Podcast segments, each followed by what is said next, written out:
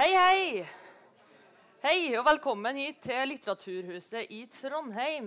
Kveldens tema er byparlamentarisme versus formannskapsmodell. Så det er utrolig artig at så mange har tatt turen. Eh, vi skal ha en debatt, men vi skal først ha en innledning med Hilde Bjørå fra Universitetet i Tromsø. Mitt navn er Jenny Vestrum Rein. Jeg er redaktør i Underdusken, studentavisa her i Trondheim, og jeg skal lose dere gjennom kvelden her nå. Så Da starter vi med innledning fra Hilde. Da får dere bare ønske hun hjertelig velkommen.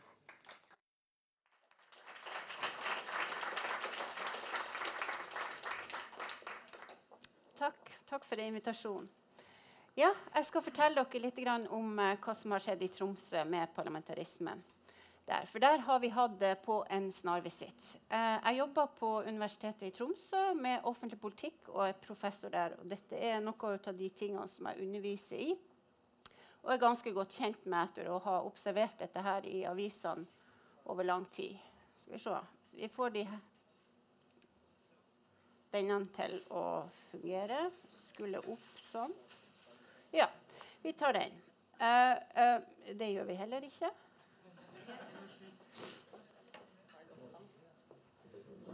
Ja, det er sånn det, det, det her er ganske klassisk. ja, i alle fall. Vi hadde da parlamentarisme i, i Tromsø fra 2011 til 2015. Uh, men gikk, har gått tilbake nå til en formannskapsmodell. Og den staselige karen på toppen der, det var vår ordfører. Og han var veldig populær. Veldig, veldig uh, sympatisk inntrykk uh, befolkninga hadde av han. og så er det da altså selve byrådet som står eh, der nede. Men de skifta litt på, på, representantene etter hvert. Men det var altså Høyre, Fremskrittspartiet, og Venstre, og Kristelig Folkeparti og Arbeiderpartiet som, eh, som vedtok å innføre parlamentarisme. Så hadde vi en borgerlig valgseier i 2011, og da valgte man da å gjøre dette her. Eh, debatten om eh, styringsmodeller den har pågått siden eh, 90-tallet. Det har vært, eh, det har vært eh, Tromsø er en stor kommune, i hvert fall i utstrekning. Det vet dere kanskje. Men vi har hatt utvalg som har behandla dette allerede i, i, 1997. Så anbefalte man at man skulle gå over til parlamentarismemodell. Og eh, det har ja, Den gang så hadde man også et flertall av Arbeiderpartiet, Høyre og Fremskrittspartiet. Uh, men, uh, og parlamentarismen har vært på agendaen i, uh, i valget i 1999, 2003, 2007. Men alle disse valgene så hadde man altså et flertall før man gikk inn i valget, og egentlig et flertall når man gikk ut av valget, men så forhandla man det bort etter valget. For det er det, litt av greia med, med disse modellene. Når du skal endre sånn type styringsmodell som dette her, så skal du, skal du altså først ha sånn, du skal ha det oppe i kommunestyret og stemme over dette her før, uh, før, valget. Og så skal du stemme om du skal innføre det etter valget. Og etter valget kan masse skje. For det er ikke alle kommuner som er sånn som her i Trondheim, der man har uh, stort sett flertall, eller ganske enkelt for sammensatt flertall. Uh, I mange kommuner så er det store sånne, sånne hva man skal si, svarteperspill rundt dette å lage styringskoalisjoner. Og det, det, som er opposisjon og posisjon.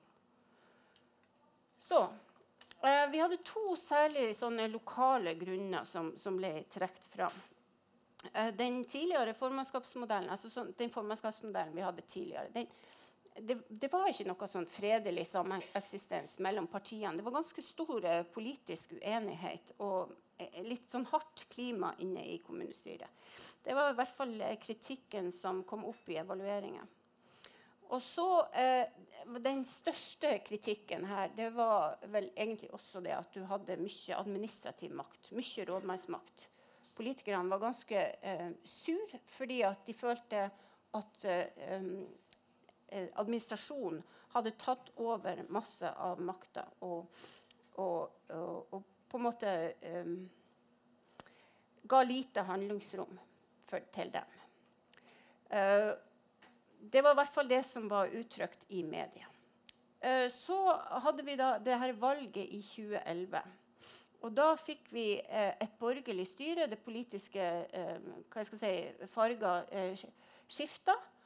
Og eh, det var særlig da Høyre som har vært interessert i å skifte til parlamentarisme.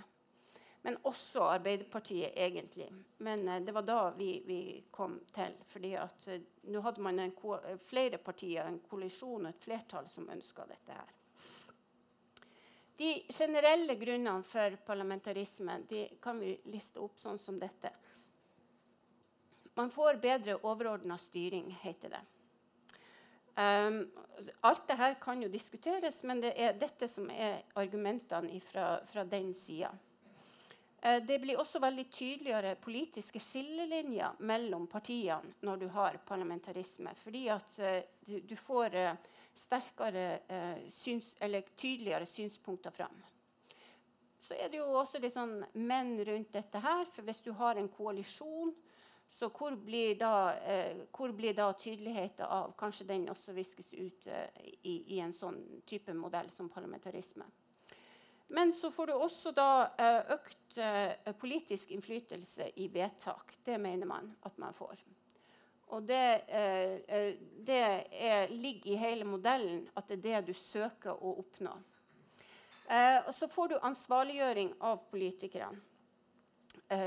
Det er også selvfølgelig bundet av opp, eller det, det, avhenger også av om du har en koalisjon av partier som du da skal eh, belønne eller straffe for det den koalisjonen har gjort, eller om du har et flertall um, av ett parti. Men uansett så kan du på en måte lettere se hva det er denne koalisjonen og disse partiene får til. For det blir ikke utvanna i en samtale mellom flere, sånn som i en formannskapsmodell.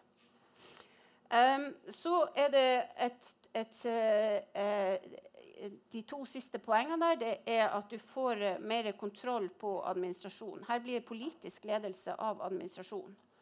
Eh, det siste er at store, kompliserte kommuner kanskje eh, er det enda mer nødvendig å få til eh, at du har flere sterke politiske ledere, sånn at du får styrt dette effektivt. For altså sånn som det er nå i, i, Tromsø, så sliter man kanskje litt med å oppleve seg sjøl som effektiv i, i, i beslutningsfattinga. Um, så kan jo alt dette diskuteres. Er det sånn eller ikke? Men dette er i hvert fall de argumentene som man har. Um, de lokale um, jeg skal, jeg skal se. Uh, de lokale argumentene her og kritikken som vi fikk i Tromsø. Jeg skal komme tilbake til den generelle kritikken eh, til parlamentarismen også da. Men først vil jeg si noe om hva det var da som skjedde i Tromsø. Den parlamentarismemodellen bidro ikke til noe bedre samarbeidsklima mellom partiene. Nesten heller tvert imot, vil jeg si. Det ble enda skarpere eh, konfrontasjoner. Uh, og her tror jeg, um, sånn fra sidelinja, i hvert fall fra mitt ståsted, så syns jeg vel kanskje det at det er uh, uh, alle partiene burde ta en andel i det, det, ansvaret for et dårlig samarbeidsklima. Det er ikke sånn at opposisjonen uh, går, uh, går, skyldfri her, men det er heller ikke sånn at de som satt i posisjon, de kunne vært mye mer rause, etter min mening. Men i tillegg så var media veldig kritisk til denne modellen. Og det er ikke så rart at media er kritisk til parlamentarismemodellen. Fordi at den eh, gir ikke media inngang til alle møtene som, eh, som politikerne har. Så dermed så, og, og, i og med, Alle dere vet jo at media, en stor del av det media eh, eh, skriver om, er jo, er jo knytta til politikk. Og det å ikke få innpass eh, på politiske arenaer, det syns det var media veldig kritisk til. Og man kan også øh, øh, øh, si det at den parlamentariske modellen i seg sjøl er mye mer lukka enn den formannskapsmodellen er. Og det er på godt og vondt, men det skal jeg komme litt tilbake til. Opposisjonen følte seg marginalisert. Det var helt tydelig. Det var det de uh, utstrålte. De mente at man, man, kom også med et sånt eh, som, det var særlig Arbeiderpartiet som, som, var veldig kritisk. Og da mente man særlig det at formen man hadde valgt på parlamentarisme, var veldig vanskelig oppe i, i Tromsø da. Altså, den slapp ikke eh, andre stemmer til enn de som hadde fått flertall i valget. Eh, den tredje eh, tingen her som ikke står på, på, tavla her, men som jeg kommer tilbake til ut igjennom her, det er det at man eh, hadde et rådgivervelde. Det var jo en av de kritikkene som, som opposisjonen kom med. For med hver sånn her kommuneråd altså politiske person som leda uh, avdeling innenfor kommunen, så hadde man en rådgiver. Og hva skulle statusen til denne rådgiveren være? Ja, Det var det man jo også store diskusjoner på når man etablerte modellen. Men man fant jo ut av at uh, den, de, disse rådgiverne skulle også være en sånn rekruttarena for å lære unge politikere hvordan det var å ha uh, et så stort ansvar å få til politikk. Men også det at man skulle være veldig kompetent, at man skulle ha, skulle ha ordentlig med ressurser for å sette seg inn i de sakene som man skulle bestyre. Uh, så det var noe på godt og vondt. Men det var også noe med kostnadene knytta til det. For det er jo klart det jo da, uh, her var det vel seks stillinger som kom inn og ble rådgivere. Og det er jo gjerne da uh, seks millioner og kanskje vel så det. Så, men det var også veldig mye omtalt i media fra dag én. Ja. Så har vi argumentene mot parlamentarisme. De kjenner dere sikkert veldig godt. Uh, det er at uh, det, det, er kommuneråden, altså den som sitter politisk ansvarlig for de her store avdelingene i kommunene, som får adgang til all ekspertise hos de ansatte. Hos de administrativt ansatte. Og de, du kan farge innstillingen som administrasjonen kommer med. Altså at saksframstillinger får et, et, et eh, politisk farge over seg. At man kan gi fortgang i saker. At man kan liksom si at eh, dette skal ligge der. Det er dette vi skal utrede. Dere utreder ikke noe annet. Det er den plassen vi vil gjøre det på. Og, og eh, sånn. At du får ei, ei hvis det nå finnes noe som heter objektiv eh, saksframstilling, som man også kan diskutere, da, så er det under parlamentarismen ikke, ikke det er ikke noe uh, man legger skjul på at det ikke er. Det er politisk farge knytta til de uh, saksframstillingene man gjør. Uh, I tillegg så har man mindre innsyn. Og i et land som Norge så er det et veldig problematisk utgangspunkt. Det er ingen land som har sånne krav til åpenhet som Norge når det gjelder lokalpolitikk. Vi er helt unike i, i Norden og eh, i Europa, og jeg tror sannelig òg i verden. Eh, fordi at eh, det er Vi har prinsipper, altså møteprinsipper og all, alle de her. Altså det er ikke lov for politikerne å, å, å tiske og hviske bak ryggen eller å fatte beslutninger som ikke er i møter. da. Og man mente det at den parlamentariske modellen kom til å ødelegge for dette prinsippet. Eh, opposisjon står eh, svakere som korrektiv og kontrollinstans. Og det er jo helt klart. Når du får en, en um, politisk ledelse som har uh, si, makta over administrasjonen, eller som i hvert fall kan admi styre administrasjonens aktivitet ganske mye mer enn i en formannskapsmodell, og du har et eh, rådgiver til hver eh, sånn eh, byråd, så, eh, så, blir opposisjonen følt seg utafor. Får ikke helt samme innsyn i saken. Og når saken kommer kanskje litt farga ut fra, fra de som sitter i posisjon, så blir det vanskelig å henge med. Eh, så man har eh, dette her, altså korrektivet til hva det er som gjøres, blir svekka gjennom mindre åpenhet og gjennom det at saksfremstillingen er, er, er farga av de som har politisk makt eller flertall. Eh, så kan man også si det at jo, men det er ikke helt sånn. fordi at Loven gir også penger, eller muligheter for penger uh, som kan gis til opposisjonen for at de skal utrede saken på sin måte. Så store summer blir da bevilga til opposisjonen, sånn at de kan få utrede saken med sine saksbehandlere. Sånn at de skal være på tå hev og kunne kontrollere dette her. Uh, men kanskje den fremste uh, argumentet uh, mot parlamentarismen, sånn som vi er vant med å forstå kommunepolitikk, er jo at mindretallet i mindre grad blir hørt. Så i Norge så det er, det er Ser man på politikk andre, plasser i Europa, så, så er dette med et flertall, da har du bestandig rett. Men i Norge så er det gjerne sånn at vi kjemper veldig for, for mindretallet av en eller annen grunn. Så dette har vært de argumentene som har stått veldig sterkt mot, uh, mot uh, uh, parlamentarisme. Men kanskje før jeg går Ja.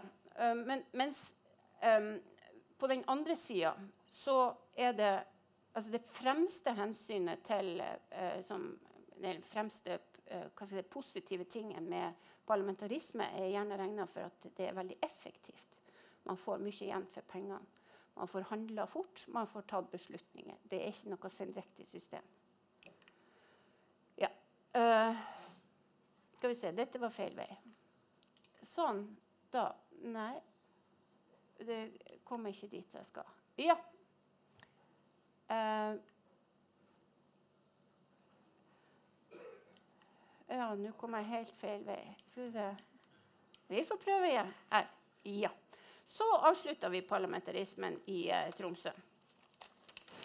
Eh, da var det sånn at Høyre rota forferdelig i nominasjonskampen med mer. Også, eh, man hadde også opparbeidet seg underskudd. Man styrte masse med en svømmehall og i det hele tatt. Og så eh, taper de borgerlige valget. Vi får spill om, og, om koalisjonsdannelse og organisasjonsform i Tromsø. Og den 30. september 2015 så ble Ap, SV og Rødt enige om å skrote parlamentarisk styring av Tromsø kommune. Og da får man en, eh, et overgangsbyråd som er parlamentarisk, og så går man da tilbake til eh, formannskapsmodellen. Ja. Eh, for å si det sånn, så tror jeg det at det var Arbeiderpartiet som, som Arbeiderpartiet ønska parlamentarisme. Men Rødt gjorde overhodet ikke det, og det gjør ikke SV heller. Dette er også en politisk, det går politiske skiller i hvordan man, man betrakter denne modellen. Uh, ja. Men jeg, eh, ja, jeg skal si også det at når man da gikk tilbake til formannskapsmodellen, så så man også det at uh, den nye formannskapsmodellen faktisk ikke var så veldig mye billigere enn den uh, parlamentariske modellen man hadde. For Riktignok hadde man frikjøp da på uh, Eller man hadde, man hadde de her rådgiverne, det rådgiverkorpset på en fem, eller seks stykker og så hadde man eh, frikjøp av, av, eh, av, opposisjonen til å sette seg inn i saker og ting. Men man hadde jo da ikke en rådmann, og man hadde heller ikke veldig høye lønninger på de ulike kommunalsjefene som var rundt omkring. Så i denne perioden etter eh, at vi fikk gjennomført eh, eh formannskapsmodellen, så gikk lønningen ganske betraktelig opp. fordi det er mer ansvar da, som ligger til administrasjon. Mye mer beslutninger som skal gjøres i forhold til hva det var i den parlamentariske modellen. Um, ja. Så hva er da um, verdigrunnlaget her? Hvis vi bare ser på tre punkter her, så, så kan det settes opp sånn. Um, Altså at du har, eh, Når det gjelder administrasjon, så har du uh, at uh, administrasjonen er underordna i en, en, parlamentarisk modell. Og Det er for å gi effektivitet og for at du skal utkreve ansvar. Altså politikerne skal stå til ansvar. Mens uh, i formannskapsmodellen så har du en, en, en mer sideordna eh, rolle på, på, politisk ledelse og administrasjon. For administrasjonen har på en måte De ligger under rådmannen, eller dere kaller det kanskje administrasjonssjef her. Eh, og eh, har en del sånne eh, eh, Ja, eh, en, en, en, styrke som er mye større da, til å så se på, på, eller å gjøre vurderinger enn i en parlamentarisk modell. Så har du eh, politiske arbeidsformer så har du majoritetsbeslutninger, altså flertallsbeslutninger. Det er det som er utgangspunktet for en parlamentarisk modell. Og du skal eh, tilrettelegge for, eh, for det å, å, være effektiv, men også for å stå ansvarlig for det du har gjort. Hvis politikerne gjør noe idiotisk, så skal de stå ansvarlig overfor det. Da, skal du vite at det er da vet du at det er politikerne som har gjort det, og da de, får de ikke stemmene eh, som de skal ha i neste valg. Det er det som er resonnementet her. Mens i, i den formannskapsmodellen så, så dras eh, mindretallet mye mer med, og da tilrettelegger du for kompromisser og, og forhandlinger. Så kan vi si det at det er ikke nødvendigvis harmoniske ting som kommer ut av en formannskapsmodell. Det må vi også ha i bakhodet. Eh, så har du, eh, ja, Hvordan skal befolkninga vurdere disse ulike modellene? Så vi kan gjøre oss resonnementer om det. Jo, på ene sida skal vi være eller det er mer sånn New Public Management. Du skal være uh, tilfreds med den servicen og de tjenestene som ytes. Det er resultatene som teller i, den, i parlamentarisme. Mens i den andre formannskapsmodellen så skal du også være enig i prosessene og hvordan dette foregår. Det er liksom det også da som legitimerer modellen. Uh, da skal jeg sikkert prøve å begynne å avrunde med et par slides til. Ja, hovedforskjellene her. Her er hovedforskjellene på parlamentarisme og formannskapsmodell. Det Valg av utøvende organ er forskjellig. Den ene er sammensatt av flertallspartiene, mens i formannskapsmodellene så har du et proporsjonalt sammensatt eh, formannskap, altså i ledergruppe, eller det, det er executive committee, altså de som utøver makta. Mens uh, i, i, en lederperiode så, så kan uh, en parlamentarisk modell innenfor den så kan man felles av mistillit. Eh, men i formannskapsmodellen så sitter du uansett hvor upopulær du er eller hvor masse dumt du gjør. altså Det er, det er ikke mistillitsordninger knytta til det. Og øverste leder for administrasjon det er politisk ledelse av administrasjon i parlamentarisme, mens det er da administrasjonssjef, altså rådmann, i, i, i en uh, formannskapsmodell. Så helt til slutt eh, så har jeg uh, Nei, jeg har to igjen. Unnskyld. Uh, her er det de sånn, slags sånn, eller utfordringer, eller ting man kan diskutere eller være uenig i, i her. Altså, det er det her med hva, hva, er det som er utfordringa med formannskapsmodellen? Så er det kanskje eh, dette med at administrasjonen har, stor, har, større myndighet. Det er ikke politikerne som har eh, all, eller de, Politikerne har mer myndighet, i alle fall i parlamentarismemodellen. Så er dette med åpenhet. Eh, hvordan skal man forholde seg til det? Hva tenker vi om åpenhet, egentlig? Det, som sagt, det står veldig sterkt i Norge. Uh, men det er også en sånn ting knytta til dette med åpenhet som jeg synes man kan tenke litt på. fordi at Politikerne blir tvunget til å ta stilling til ting i, det offentlige rom på veldig tidlige tidspunkt. Noe som kan føre til at du får veldig store konfrontasjoner. Og det er vanskelig å, sette, å, ta uh, harde beslutninger. Sånn som f.eks. bompengesaker eller nedlegging av skole. Ting som er kanskje nødvendig for, for, samfunnet som helhet. Det er veldig vanskelig å ta sånne beslutninger når du har uh, åpenhet på veldig tidlige tidspunkt. Og det, veldig, eller det man også gjerne ser, er at man, konsulentselskaper f.eks. tar får, får, oppdrag som de ikke har eh, for, med å ta beslutninger, fordi at politikerne er litt varsomme med å gjøre det. da. Uh, og uh, at man setter sammen sånne kreative ordninger for å få til å diskutere ting i hemmelighold osv. er nå det så mye bedre. Men det er ting med at disse tingene er ikke Vi er ikke Hva som er rett og hva som er bra, det er ikke egentlig Eh, noe annet enn eh, verdispørsmål og politikkspørsmål. Og det er kanskje ikke nødvendigvis sånn at noe er svart og noe er hvitt. Eller iallfall må vi tenke litt rundt disse tingene. Hva politikerrollen skal være, det er også noen ting. Hva skal den vanlige politikeren som vi velger, sin rolle være? Lager vi i eh, parlamentarisme sånn ekspertpolitikere som er kjempeflinke? Ja, vil vi ha det? Kanskje vi vil ha det. Men hva gjør det med de andre politikerne? Hva gjør det med de andre politikerne hvis de bare blir påfyll i en formannskapsmodell og verken har innflytelse og heller ikke kontroll med administrasjon eller noen ting? Altså det er sånne ting som, som man gjerne kan, kan, ta opp hva skal kommunestyrerepresentanten sin rolle være.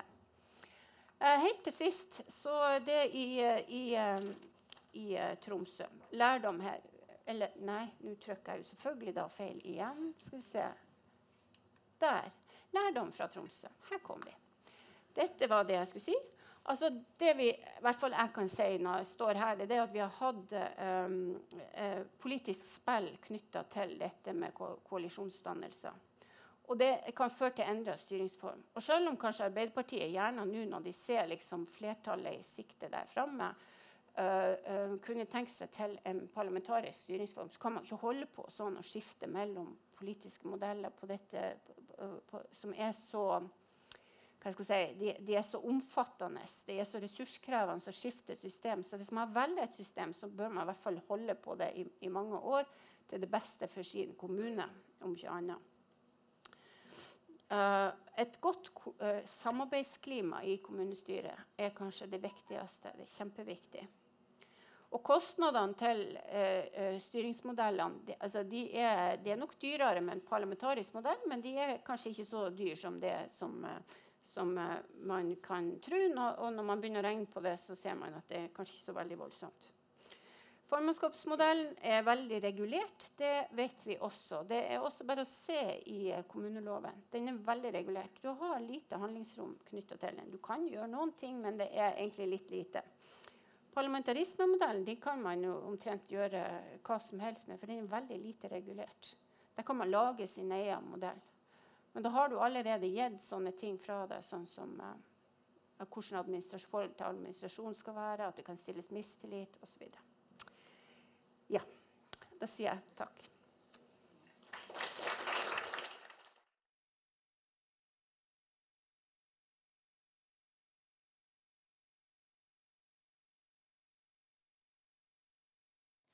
Yes, Tusen takk til deg, Hilde. Da tar vi en 20 minutter pause, så vi får strekke litt på fotene og lufta oss litt. Hva sa han? 20 minutter? Å, vi kan holde på i 20 minutter. Da kjører vi rett på. og så får dere en pause. Da gjør vi det. Så da skal vi få opp resten av panelet her. Fremfor. Det var litt forskjell, men det er veldig greit at vi får fortsette sånn. Da håper jeg å kelle ut litt til. Skal Bare å komme fram og stille dere opp. Det virker henget. Skal vi se. Ja, bare ta det. Skal vi se. Bare plass bortover her. Dere til å stille dere litt lenger bortover, kanskje?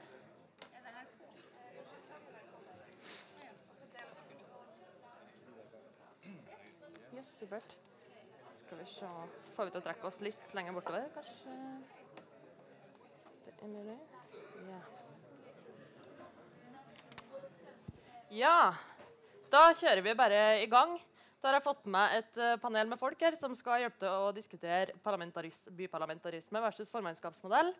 tenker Vi starter med en kort uh, introduksjon. så vi kan jo starte med deg, Oktar Mikkelsen fra SV i Trondheim. Hvem er du, og hva driver du med, og er du for eller mot byparlamentarisme? Jeg er mot. Eh, jeg er kommunalråd, så jeg er fulltids frikjøpt politiker nå i en formannskapsmodell. Eh, som betyr at vi samarbeider på tvers. Posisjon og opposisjon som kom veldig godt fram. Det betyr mye om åpenhet, men det kommer vi tilbake til. Så eh, det er vel to mot én her, men det får vi òg komme tilbake til. yes, supert. Er vi Torgeir Gimse fra Bergen. Yes. Uh, Torgeir Gimseth. Jeg jobber som politisk rådgiver for uh, Arbeiderpartiets bystyregruppe i Bergen. Har gjort det noen år nå, sånn at jeg har uh, erfaring med å jobbe i, innenfor det parlamentariske systemet både i opposisjon og i posisjon nå. Uh, og så har jeg òg fire år bak meg som bystyrerepresentant i denne byen her, sammen med flere av noen, noen som sitter her, ser jeg. så, og jeg er da for byparlamentarisme. Ja. ja. Så har vi Marek Jasinski fra Arbeiderpartiet i Trondheim. Takk, takk. Eh, jeg er kommunalråd akkurat som Ottar. Jeg er også for biparlamentarisme. For jeg mener at eh, politikken er alltid viktigere enn styringsformen. Vi har fått mer politisk gjennomslag og fått gjennomført mer politikk med parlamentarisme. Og som Kruseth kan jeg da satt i forrige periode som vararepresentant for Rødt. Så jeg har liksom både erfaring med den fra posisjon og opposisjon. yes, ja. Og så har vi med oss Hilde. Ja, Hilde Bjørna heter jeg, fra Universitetet i Tromsø. Yes, så fint. Og nøytral. I hvert fall her. Nøytrale bidrag i debatten. Okay. Yes. Jeg tenkte Vi kunne starte med deg, Torgeir, som har litt uh, erfaring fra byparlamentarisme i praksis. Kan ikke du fortelle litt om erfaringene i Bergen, og hvordan det fungerer der? Jo, altså Hvordan systemet fungerer? Eller uh... Ja, Hvilke erfaringer du har gjort deg derfra? Hvorfor du dermed får byparlamentarisme? Ja, ikke sant. Nei, altså, Det første du merker, altså, er jo at det er lettere å holde oversikten i systemet. altså når det politiske, ansvar, altså når, uh, det politiske ansvaret også er over administrasjonen, mm. så du, da er det lettere som de sier Bergen, å henge bjellen på katten. Da vet du hvem du skal skylde på når noe går gærent. Uh, samtidig så vet du at innenfor en viss sektor så er det den og den politikeren som har ansvaret. For eksempel, da, i, i, Bergen så har det en byutviklingsbyrå som heter Tryti. Uh, er det noe som går på byutvikling, så er det Tryti. så det er veldig lett for velgere å forholde seg til de ulike politikere. Um, i tillegg så er det altså det skaper, det er lettere å se skillelinjen. Altså, som Ottar regner på her, så er det altså, I formannskapsmodellen så har du litt mer konsensus i utgangspunktet, men det er ikke nødvendigvis sånn. En ordning der det er eh, mindretallsparlamentarisme, så har du også ganske mye konsensus. Der blir bystyret og altså, opposisjonen ganske mye med. da. Men et mer levende politisk bilde og klarere skillelinjer er det som i hvert fall danner grunnlaget for at jeg får det. Mm. Er du enig i det, Ottar? Ja, nå har ikke jeg erfaringene fra Bergen, nå, men, men er, jeg syns egentlig det kom godt fram i, eh, i presentasjonen òg. Altså, jeg synes det er to nøkkelspørsmål der. Mm. Eh, det ene er egentlig graden av åpenhet. Hvor stor, altså, hvor stor, åpenhet vil vi ha i det politiske systemet? Jeg kan godt komme tilbake til noen eksempler som jeg ville ha understreka problematikken med det. Og det andre er hvor mange er faktisk som kan være involvert i en politisk beslutning. Eh, hvor få eh, skal det være innpå det rommet der hvor den beslutninga til slutt fattes. Og Det er en av de virkelig store utfordringene med en eh, byrådsmodell. For den har ikke den samme kravene til åpenhet. og Det viser seg i praksis også at det, at det ikke gjør det. Så, så hvis en har som utgangspunkt at en ønsker mest mulig åpenhet og mest mulig involvering, så er det bare ett svar på det. Og det at en må ha en eh, formannskapsmodell. Og da, eh, litt av Jeg kikka på Eh, på premisset for debatten som lå på sidene til Litteraturhuset. Eh, og det var liksom fremheva at eh, om en ville ha den litt mer provinsielle formannskapsmodellen i en by som Trondheim.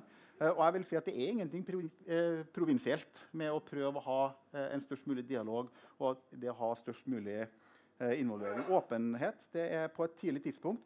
Det var jo et av problemene som ble fremheva at du måtte du måtte være åpen på et tidlig tidspunkt eh, i formannskapsmodellen. Og det tenker jeg at det er en kjempefordel. Mm. Eh, at du må være åpen på et tidlig tidspunkt. Og så betyr det at oss som politikere kanskje får motbør.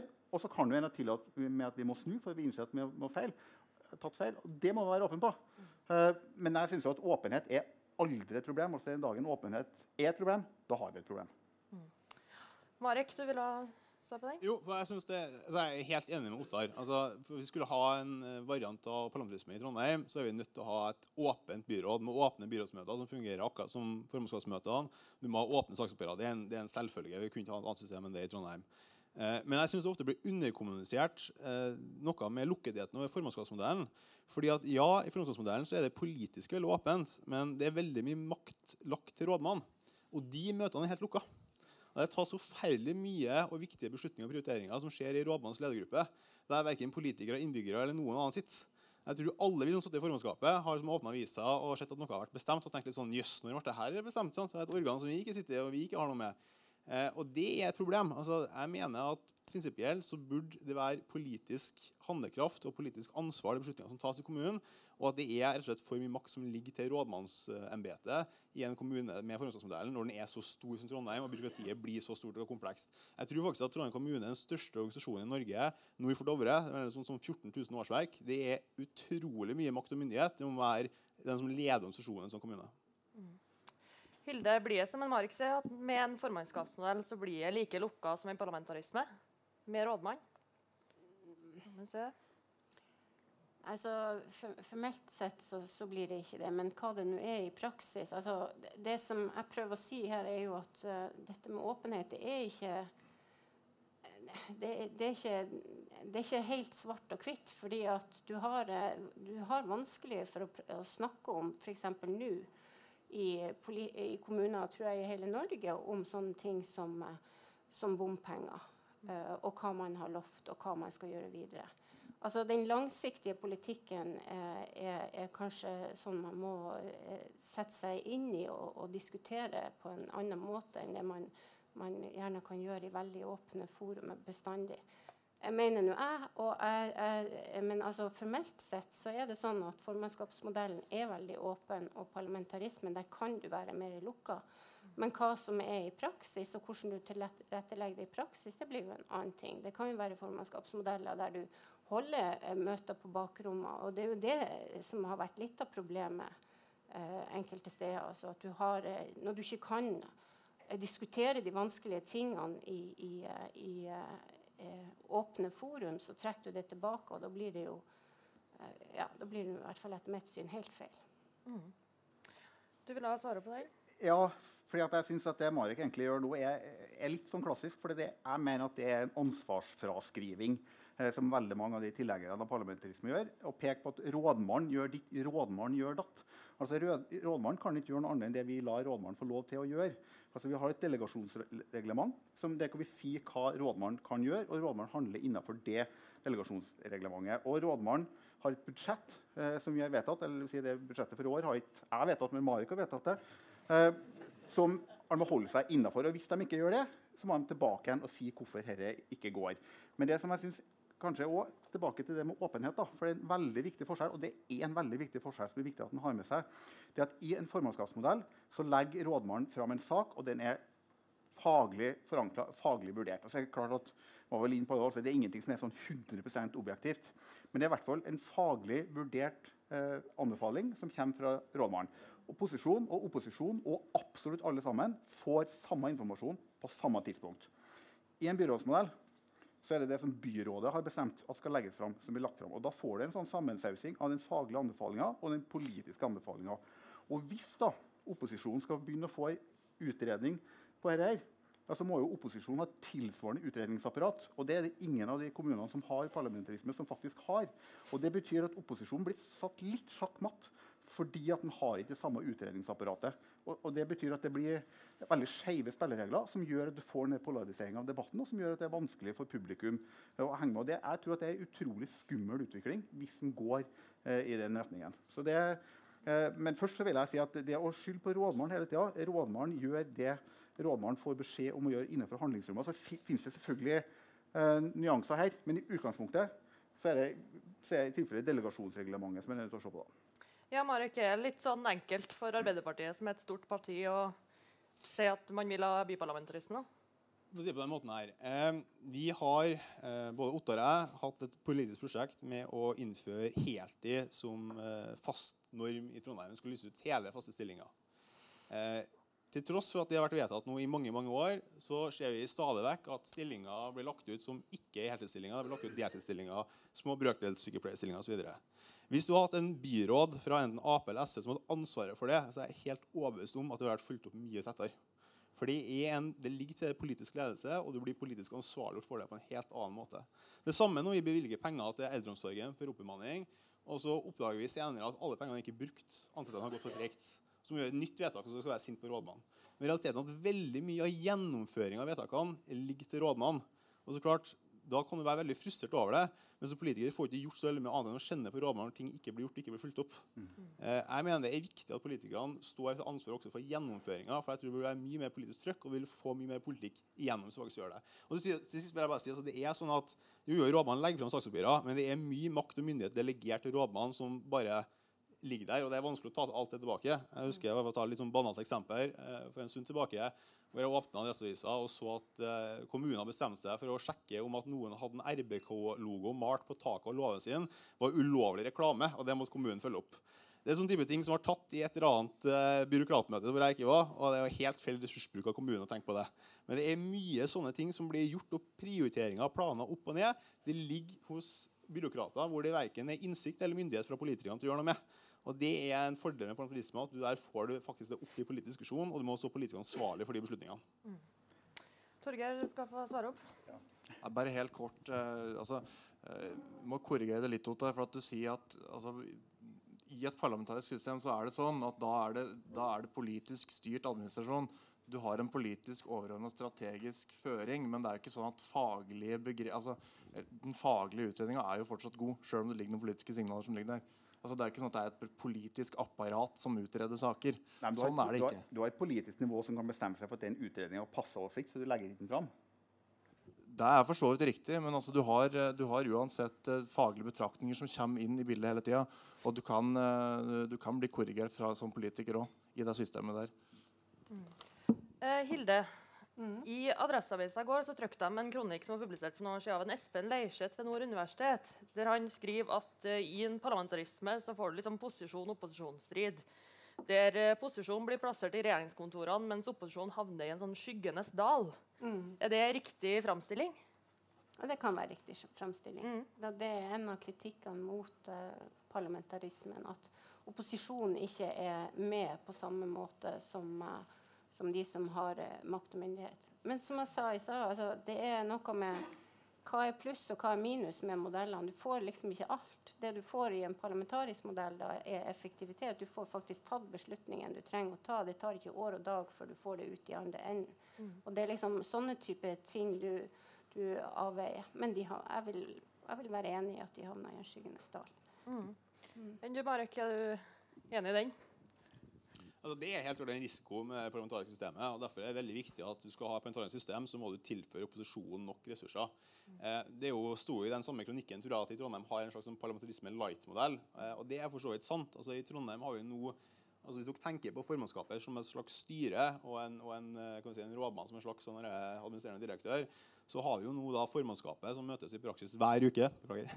Møtes i praksis hver uke um, og består nå av hele elleve heltidspolitikere. Altså elleve arbeidende styremedlemmer som møter hver uke administrerende direktør. Det er, et, eh, det er litt av et komplekst styringssystem. Eh, Det er også sånn at Antallet heltidspolitikere har nok økt fordi partiene vil ha mer frikjøp og mer tid til å sette seg inn i saker. Mm. så det er nok sånn at I Trondheim har man på en godt etter det at også opposisjonen og partiene må ha mer og mer ressurser for å kunne håndtere alle sakene her.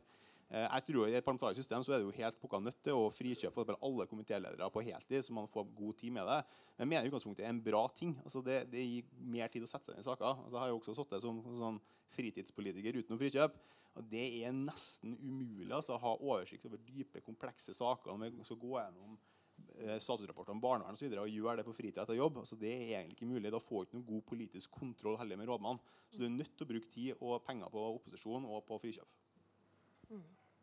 Torgeir, vil du Jo, og så er det altså Et viktig premiss da, for at eh, byparlamentarismen skal fungere altså Vi har sett uh, Oslo komme med det i 86 og altså hatt det i 30 år. Uh, vi begynte med det i 2000. Uh, men du ser til stadighet at oppslutninga om parlamentarismen er vesentlig større og mer unison når det er såkalt mindretallsparlamentarisme. Altså Har du en flertallskonstellasjon som kjører, for å si det, kjører rått da, og involvere bystyret lite, så er det tungt å sitte i opposisjon. Mens hvis du har en mindretallsmodell der det er altså en mindretallskonstellasjon, altså eller at eh, du involverer bystyret mer, da, eh, så er det mye mer støtte rundt modellen. Og i en formannskapsmodell så kan du òg kjøre rått og brutalt eh, flertall. Ja, eh, egentlig flere ting jeg har tenkt å, altså det, det ene er at eh, ja, eh, det er selvfølgelig et poeng. Men samtidig da, så mister vi jo litt av argumentasjonen med den gjennomføringskrafta. Så da mister jeg bort det. Og så er jeg glad for det Marek sier. fordi at når Arbeiderpartiet var for, for parlamentarisme tidligere, så var jo sagt at det var en besparingsmodell. Og det er i hvert fall bra at Arbeiderpartiet sier at det er ikke lenger. Og så er jeg enig. altså Det som Marek sier knytta til det med tregheten i rådmannsveldet, er at du har noen sånne propper at du kan føle at du vedtar ting igjen og igjen og igjen, og igjen, og så blir det ikke gjennomført. Det, det er klart at det er en frustrasjon, men det er også litt vårt ansvar. Og så tror jeg at vi kan ta oss en prat med skolebyrådet i Oslo, Inga Marte Torkelsen, som sitter i en parlamentarisk modell hvor enkelte får gjennomført ting også der. fordi at du kan ha propper på ulike nivå eh, i systemet, eh, bare så det er sagt. Men så har jeg tenkt å si et par ting. Eh, Eksempelet med RBK-logoen er jo morsom, men det var jo ikke rådmannen som bestemte at det skulle undersøkes. Så den samme saksbehandleren ville nok ha bestemt akkurat det samme også i en parlamentarisk modell. Så fortsatt, da hadde vi hatt en byråd som har kjefta på vedkommende, i stedet for at det var en, eh, en rådmann som kjefta på vedkommende saksbehandler. Og så har jeg lyst til å bare ta et lite eksempel til. og Det går på det med ansvarliggjøring.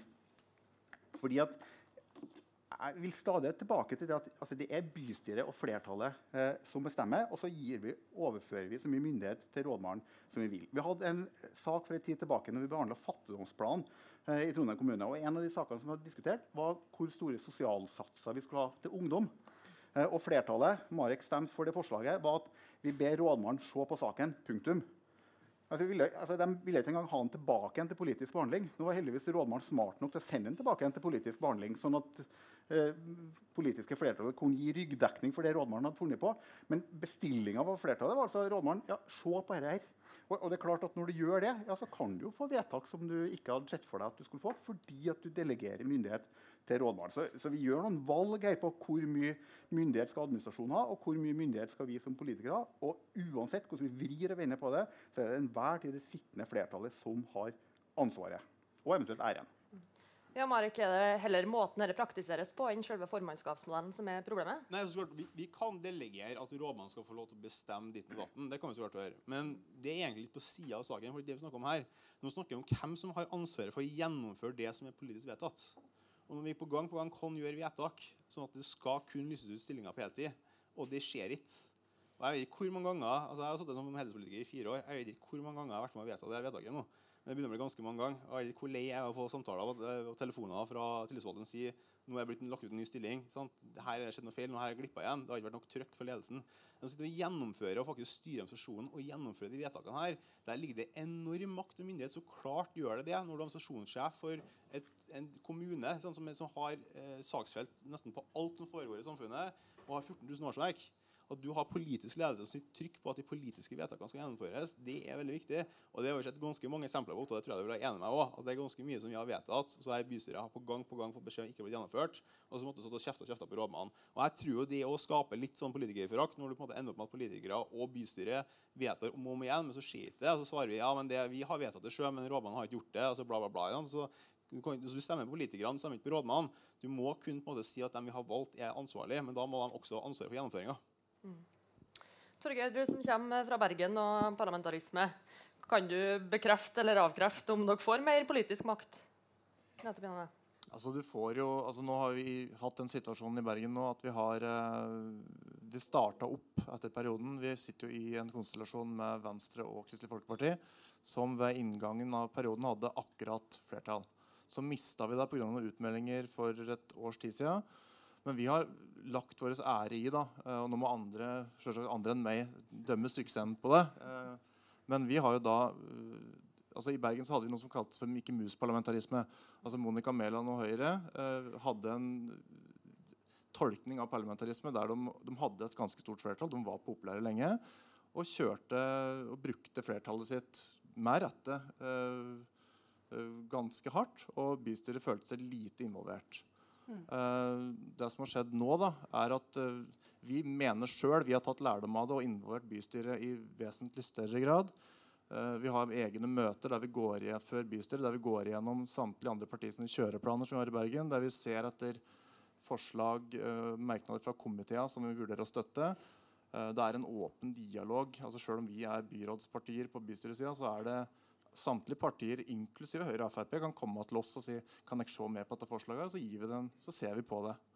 Uh, hvor mye av det vi tar inn, det blir jo uh, Det varierer jo selvfølgelig. Men det er klart at når vi er i en situasjon der vi må ha ekstra stemmer i bystyret, så må vi jobbe hardere for flertall. Og Da blir det mer dynamisk. Og da får flere bystyrepartier, også i opposisjon, uh, delta mer da, i beslutningsprosesser. Mm. Uh, Hilde, sånn som dette eksempelet fra Bergen. Hvor mye makt det er som egentlig havner til byrådet? Um, som havner til byrådet ja. i en parlamentarisk modell? Ja. Ja, det, det, er bare rett og slett to he helt ulike modeller. Og, og, du kan si at du tar fra administrasjonen eh, masse myndighet, og så legger du det under eh, eh såkalte eh, byråder, da, mm. som, har, eh, som leder administrasjonen. Så du kan si at makt, makta er, kommer der, eller der får du enda mer eh, myndighet. Og så får du mer eh, myndighet med det at du, du utgår fra et flertall eh, i, eh, i, kommunestyret. Sant? Sånn at den koalisjonen som sitter og leder, eller byrådet, da, den er, er, utgjort av flertallet. Så du tar jo egentlig eh, ja, og styre på bakgrunn av det. Og det er jo også en, en, eh, en, en annerledes uh, maktbruk. Da. Mm. Det er en annen tanke om hva demokrativerdiene er. Mm. Hvordan er demokrativerdiene forskjellig i formannskapsmodellen? Ja, med at du har en, en, en makt som, eller politisk makt som utgår fra et flertall mm. så sterkt i en parlamentarisk modell. Re Regjeringa vår på nasjonalplan utgår jo også fra, fra flertallet i, i Stortinget. Uh, mens uh, i et kommunestyre så, så, har du jo proporsjonalt ans... Uh, eller det, det, formannskapet, altså den ledende gruppe, utgår proporsjonalt fra kommunestyret. Mm. Mm. Ja. ja. Nei, altså, jeg har lyst til å ta tak i enda en ting. for Det ble jo sagt her at en parlamentarisk modell kan tydeliggjøre skillelinjer. Eh, jeg tror at det motsatte også kan skje. Eh, I hvert fall det som vi har hatt i, i Trondheim. det er at vi ser på store byutviklingssaker. Altså, selv om vi i en periode her har hatt historiens bredeste konstellasjon eh, rundt Arbeiderpartiet, i hvert fall da begynner med perioden så har det vært litt avskaling, med rette, vil jeg si, etter hvert. Men likevel så har Arbeiderpartiet veldig mange av de store byutviklingssakene gått sammen med Høyre og Fremskrittspartiet. Og det er klart at Hadde det vært en parlamentarisk modell, så hadde det ikke vært mulig. Jeg skulle gjerne hatt virkemidler for å holde Marik og co. i ørene. Eh, men jeg vet ikke om jeg ville hatt de virkemidlene hvis det hadde ført til at en faktisk ikke fikk fram hva vi faktisk mente. Uh, altså Regjeringa nå er jo et godt eksempel på at du kan få fram uenighetene sjøl om de sitter med et flertall. Men, men, sånn vil jo normalt ikke være. Altså, normalt, normalt de, er, det, er, det, litt sånn at du får fram motsetningen, og at du også får mye mer politisk debatt blant folk. Det er jo også en del av demokratiet. Det, det har i hvert fall forskning fra fra eh, Nordland fylkeskommune vært altså at du, viser, altså du får mye mer politisk debatt om ting fordi at eh, saker kommer fram på en annen måte når folk er uenige, enn når de sitter og er enige i, i, i eh, samtaler. Sånn at motsetninger skaper engasjement som, eh, som, da også klarer å Hva du, hva dere nevnte? Å hefte bjella på katta, eller noe sånt? Jeg henger, ja. Så, så der, er, der, er, noen sånne mekanismer som de i hvert fall har, har vist med den par parlamentariske modellen, at det resonnementet i hvert fall har, eh, har noe for seg. Ja, nå er ikke jeg redd for værende enighet i Trondheim for tida, men uh, Da tror jeg Marek skal få siste ord før vi går til pause. Jo takk. Jeg vil si at eh, altså, eh, jeg kan forstå Ottar, men da vil du på en måte ha litt pose og sekk. Da, for da vil du på en måte ha formannskapsmodellen så lenge Arbeiderpartiet er enig med deg, og så skulle ønske deg parlamentarisk modell og kunne tvinge oss til å være enige med deg når, når vi går imot det. Nei, jeg sa ikke jeg skulle ønske det. Jeg sa det var en, eventuelt en fordel. Ja, men, men jeg, tror, altså, jeg tror det er noe sant med at du får tydeligere skillelinjer. Eh, og det kan føre til et hardere debattklima. Men jeg mener også kanskje kan være positivt da, med tydeligere skillelinjer i politikken. At velgerne ser klare forskjeller, og det kommer godt frem hvem som mener hva. Eh, og så er det jo sånn at Når du sitter og styrer med andre partiene, og det må man som gjerne gjøre, eh, så må man klare å bli enig. Da er det litt gi og ta, det er litt forhandling. Altså Alle budsjettene er, altså det, det er en forhandling. Det er ingen som får bare sine primærønsker i et budsjett. Men vi klarer å få fram hva vi mener for det. Eh, men jeg tror ja, i et parlamentarisk system så er partiene mer bundet sammen. De må ha en bredere plattform. Da kan du shoppe kan du si, mindre flertall. Men jeg tror også det er bra, for da får du litt tydeligere posisjon og opposisjon. Yes, Da går vi til pause. Da tenker jeg at Vi tar en pause til klokka er ti over. Eh, da fortsetter vi debatten litt, og så blir det noen spørsmål fra salen. Så hvis det er noen som sitter og koker på noe, så er det bare å huske på det etterpå. Ja, da tenker jeg vi begynner på igjen. Temaet er fortsatt byparlamentarisme versus formannskapsmodell. Ved siden av meg her så har jeg Ottar Mikkelsen fra SV i Trondheim. Torgeir Gimse fra Ap i Bergen Marek Krasinski fra Arbeiderpartiet i Bergen og Hilde Bjørå fra Universitetet i Tromsø. Og nå har det seg sånn at Oslo har hatt byparlamentarisme siden 1986. Bergen har hatt det siden år 2000. Tromsø var som vi hørte i sted, en svipptur innom i 2011. Og Stavanger har òg vært inn på tanken om å innføre byparlamentarisme. Så spør jeg litt sånn åpent her da, Er det sånn at Trondheim rett og slett er litt uh, gammeldags i denne tankegangen? Er det noen som har noe svar på det? Ja. Ottar, kanskje? Ja, jeg svarte jo egentlig i stad. Her har jeg lyd? Nå har du Yes. Ja. Uh, nei, jeg, jeg syns ikke det. Uh, jeg syns at det er det å være for en modell som er tydelig åpen, det er veldig 2019, tenker jeg. Det er mer 2019 enn de andre modellene. Og jeg kommer, jeg kommer til å komme tilbake til det med åpenhet hele tida. Så, må jeg bare få si det at jeg synes det er litt synd at Michael Tetzschner ikke kunne komme. Jeg gleder meg til å være på lag med han. for Det tror jeg ville ha vært eneste gang i mitt liv. Så det, det var en liten nedtur, men sånn er det nå. Enn du, Marek? Nei, jeg tror ikke vi er, vi er gammeldags i, i Trondheim og henger litt etter i tida. For realiteten at vi har jo endra ja, modellen her veldig. Altså, vi har jo endt opp i en sånn parlamentarisme light-situasjon der du har et formannskap med elleve heltidspolitikere som sitter og har møte hver eneste uke med rådmannen. Så vi, vi, har jo på en måte sklidd i den retninga ganske sakte.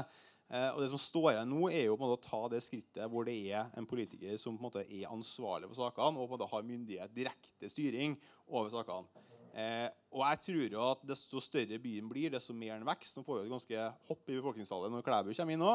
Desto mer prekkert blir det. For jeg tror det har litt med størrelsen på byene å gjøre. Så jeg tror nok jeg kan heller rettere si at tida modnes for parlamentarisme, egentlig.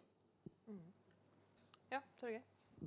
Jo, altså, eh, et premiss da, for eh, byparlamentarismen er, i hvert fall etter min mening, eh, er at det, går ikke, det er ingen god idé i en kommune med 15 000. Det er heller ingen god idé i en kommune med 30 000.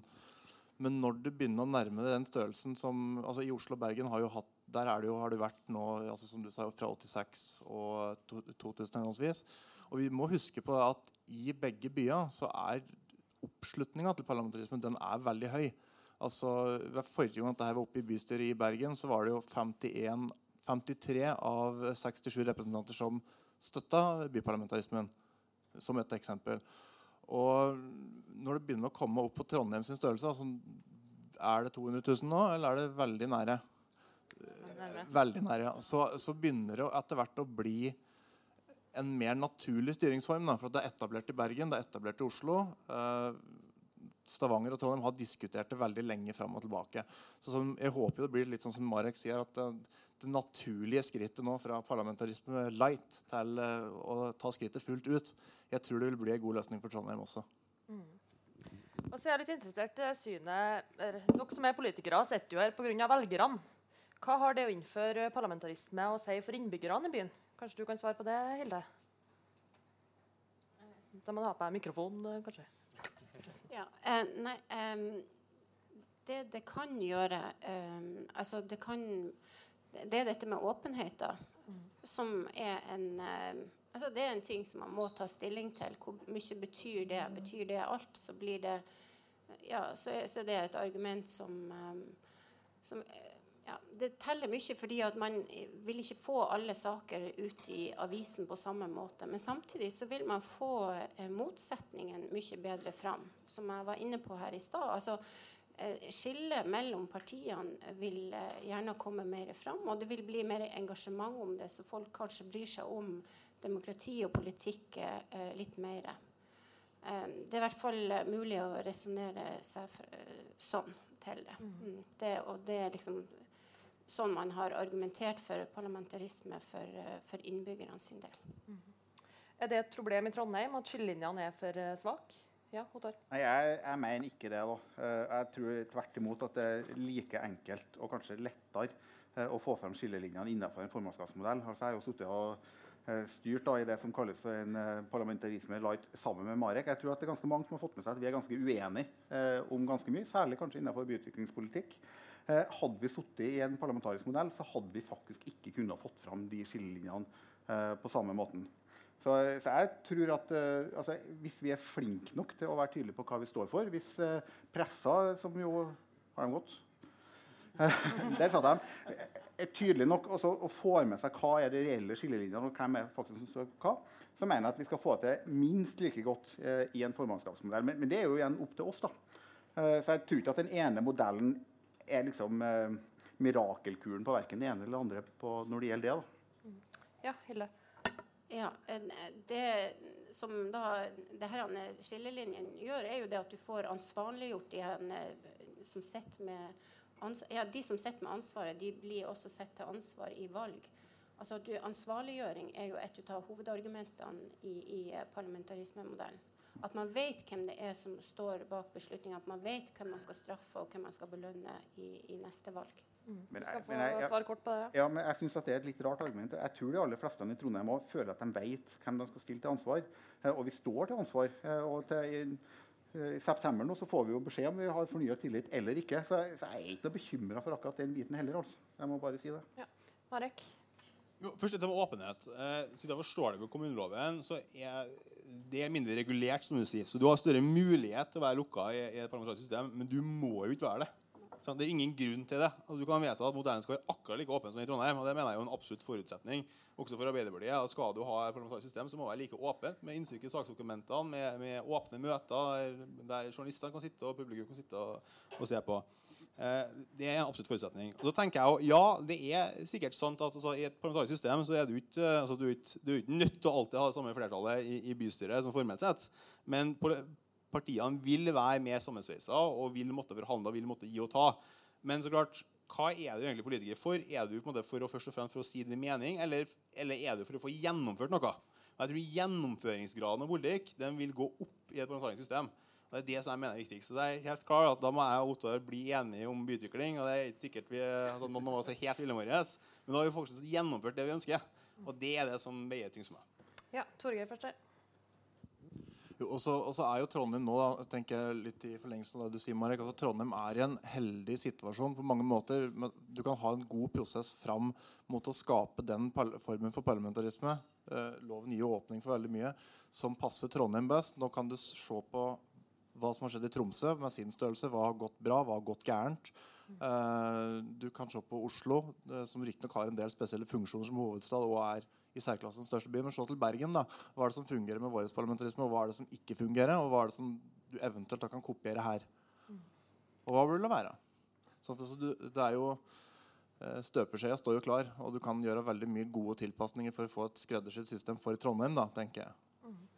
Ottar? Ja, nei, altså, til, til, åpenhet. Jeg, jeg, hører hva det Marek sier, og jeg håper at Arbeiderpartiet ville ha ment det òg. Men vi skal samtidig huske på at det var Jomar Asphjell, Arbeiderpartiet i Sør-Trøndelag sin representant på Stortinget, som altså fremma et lovforslag som gjorde at det er mulig å unnta saker til, byråd offentlighet. Så det er klart at Hvis en er for et åpent system, hvorfor fremmer da Arbeiderpartiet på Stortinget, representert av Arbeiderpartiet i Sør-Trøndelag, endringer i lovverket for å kun unnta saker offentlighet på en måte som en ikke kan innenfor formannskapsmodellen. Så hadde ikke vært for, hadde Arbeiderpartiet vært for en åpenhet på dette, så ville dere alle fremma det lovforslaget. Så, så, så muligheten hvert fall ligger der. Man må i hvert fall være enige om at muligheten til å unnta ting offentligheten er der. Og det forslaget fremma Arbeiderpartiet på Stortinget og fikk gjennom. Du skal få svare på det, Marek, og så blir det siste før vi går til spørsmål. Ja, jeg, jeg, kjenner ikke bakgrunnen for den, den, saken, men så klart det er jo, vi behandler jo også saker unntatt offentlighet av diverse hensyn. Så lenge det er i tråd med offentlighetsloven, så er det jo ting som er personvern eller andre sensitive saker. For eksempel, når vi var i byvekstforhandlinger med staten, så måtte vi lukke møtet i formannskapet. For vi kunne ikke diskutere Trondheim kommunes forhandlingsstrategi i åpent lende. Og det er jo naturlig at sånne ting tas Men dette gikk utover det. Det gikk på hvilken type saker som ble behandla sakslister. Men jeg kan garantere deg, Otta, i Trondheim så kan vi vedta en modell hvor det ikke åpnes for. Det er bra at det kom på teip. Yes. ja, da går vi til spørsmålet fra salen. Er det noen som, Der er allerede noen som har noen spørsmål. ja. Skal vi se. Kan ta det som reiser her først. Skal du få en mikrofon? Du skal få en mikrofon her eh, først. Så må du bare snakke litt tett på den, så at vi hører. Ja, mitt navn er Torje Unsgaard. Og jeg må spørre Marek Jasinski, kan du love at vi får åpne byrådsmøter i Trondheim hvis dette blir innført? Jeg har jo forstått det slik at i både Oslo og Bergen så er disse byrådsmøtene lukket, så vidt jeg har forstått. Og også når det gjelder eh, regjeringen som vi har på nasjonalplan, så er jo det lukkede møter. Så det er jo en helt nytt uh, antydning du sier her nå. Vi vil gjerne ha klare svar på sånt. Altså Min erfaring både fra 40 år i administrasjonen i Trondheim kommune og 8 år i bystyret på 70- og 80-tallet, det tilsier at den maktfordelingen vi i dag har mellom administrasjon og politikere, den er positiv, den er bra. Vi ønsker en administrasjon som baserer sine innstillinger på faglig skjønn og selvfølgelig vedtak i formannskap og bystyre, men ikke på typisk partipolitikk. Det var mine synspunkter. Ja, Marek. Svaret på det er ja. Byrådsmøtene må være åpne. Det er en absolutt forutsetning for å innføre parlamentarisme. Det, mener jeg, det er ikke engang en forhandling. Sånn må det være. Eh, og ellers er jeg enig. Det er bra at vi har en sterk administrasjon. Eh, det er bra at man får innstillinger som eh, er faglig basert. Det tror jeg også man skal få til i et mentalt system. Selv om du kan ha en fagbasert rapport, og så kommer det en politisk innstilling hva du mener om rapporten. Og det mener jeg også er greit. Så får man en balanse med begge to. Det var enda et spørsmål borti der.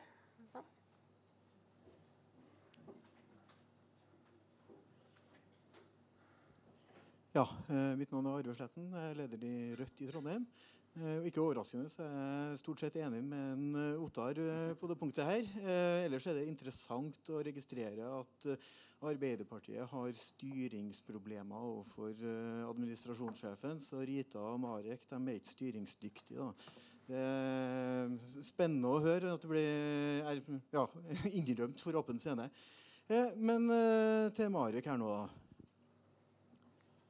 Hvordan ville du ha stilt deg til et byråd med et byråd for byutvikling som heter Rune Olse? Det er ikke aktuelt. Punktum.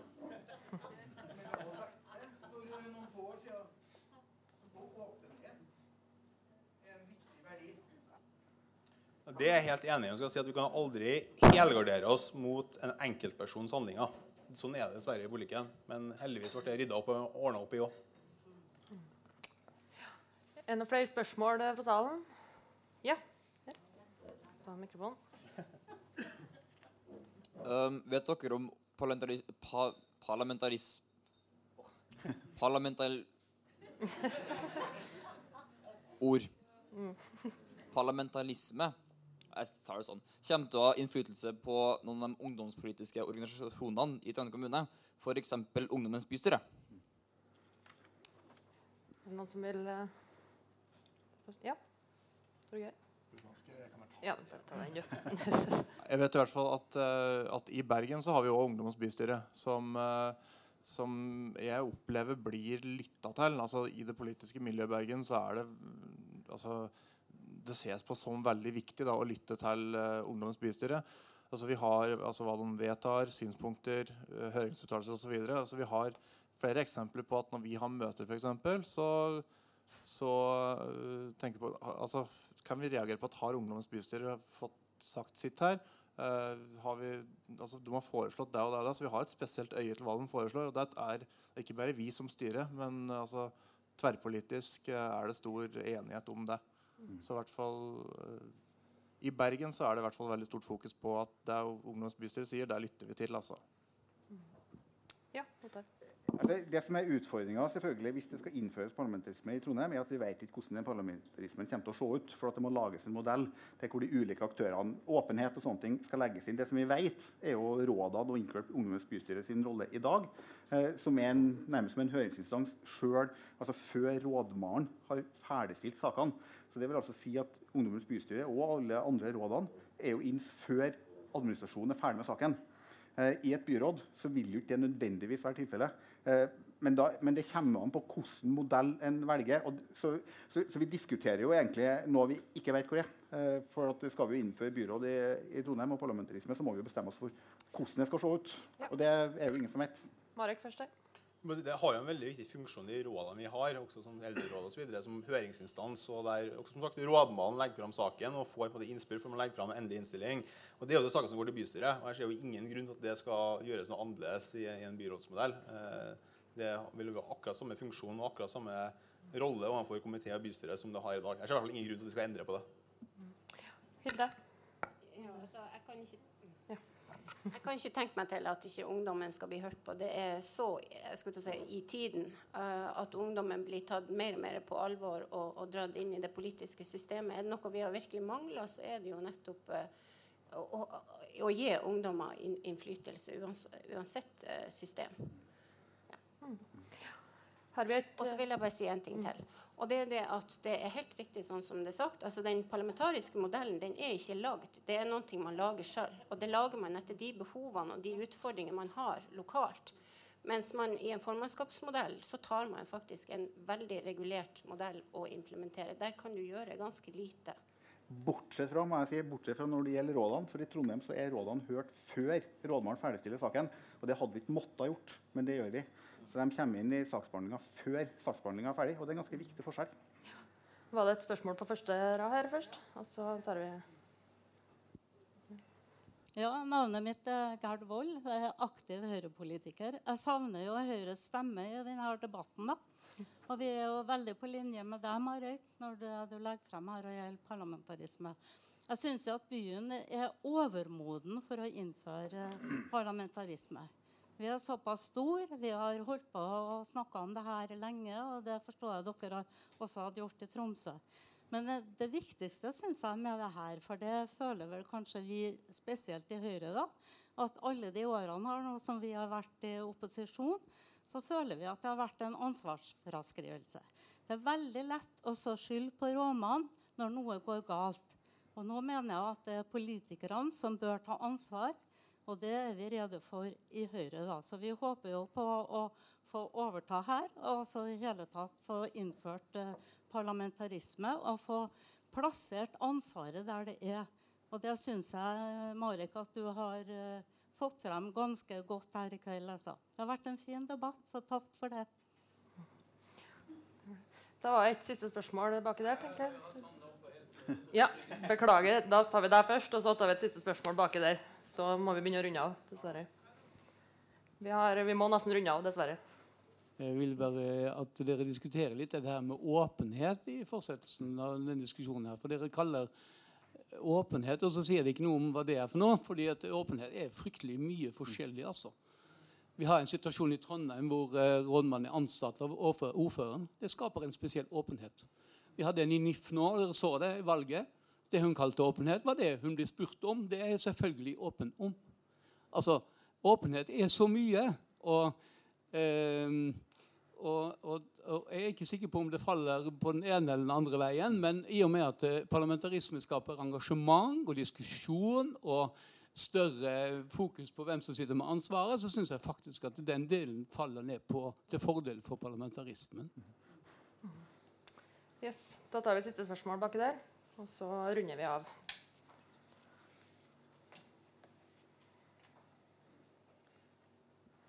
Hei, jeg heter Stian Vallum og jobber i Adresseavisa. Jeg har et spørsmål til Marek Jasinski. Eh, hvor mye tyngde vil dere legge inn i å få gjennomført deres ønske om parlamentarisme? Og kan du kort si litt sånn det prosessuelle, hvor fort det kan skje så hvor viktig er det for dere? For dere har jo ønska det lenge, men ikke fått med dere eh, koalisjonspartnerne. Jeg kan gi et veldig kjedelig svar på det. Stian, at, uh, altså, for oss er det viktig, men vi har jo som sagt ønska det siden midten av 90-tallet. Uh, eh, men det er sånn at politikken er viktigst. Altså, det er viktigere for oss at vi har en koalisjon som er mest enig med vår politikk, enn nødvendig styringsformen. Eh, så selv om det er et stort flertall i bystyret i dag med Arbeiderpartiet og Frp og Høyre for parlamentarisme, så har verken Arbeiderpartiet eller Høyre når styrt før, innført det. for Man har hatt samarbeidspartier som har vært imot. Og Det handler jo på en måte hva er viktigst, og det er for politikken som er det viktigste. Det kan jeg si. så håper vi da kanskje at Ottar kan være med på en diskusjon etter valget, men eh, ja, vi, vi får se. Hvor stor sannsynlighet tror du det er, da? Jeg tror det er større sannsynlighet nå enn ved forrige valg. kan jeg si på den måten. Yes. Fint. Da skal vi begynne å runde av. Men før vi er helt slutt, så skal dere få ett siste spørsmål fra meg. Der dere bare har lov til å svare ja eller nei. Det kan kanskje bli litt vanskelig for deg, Hilde, men eh, du får nå prøve. Og det er er byparlamentarisme framtidas styreform i Trondheim? Kan starte på hjørnet til Hilde her. Altså, det, må være, ja. det må være et lokalt spørsmål. Ja. Marek? Ja. Torgeir? Mikrofon ja. Nå er jeg veldig opptatt av at Trondheim skal få Ja eller nei? da sier vi ja. ja. Da sier vi ja. Du? Ikke overraskende så sier jeg nei. Nei. Ikke bytta mening i løpet av debatten? Nei, jeg har ikke det. Nei. Det er greit. Tusen takk for at dere kom, og takk for i kveld.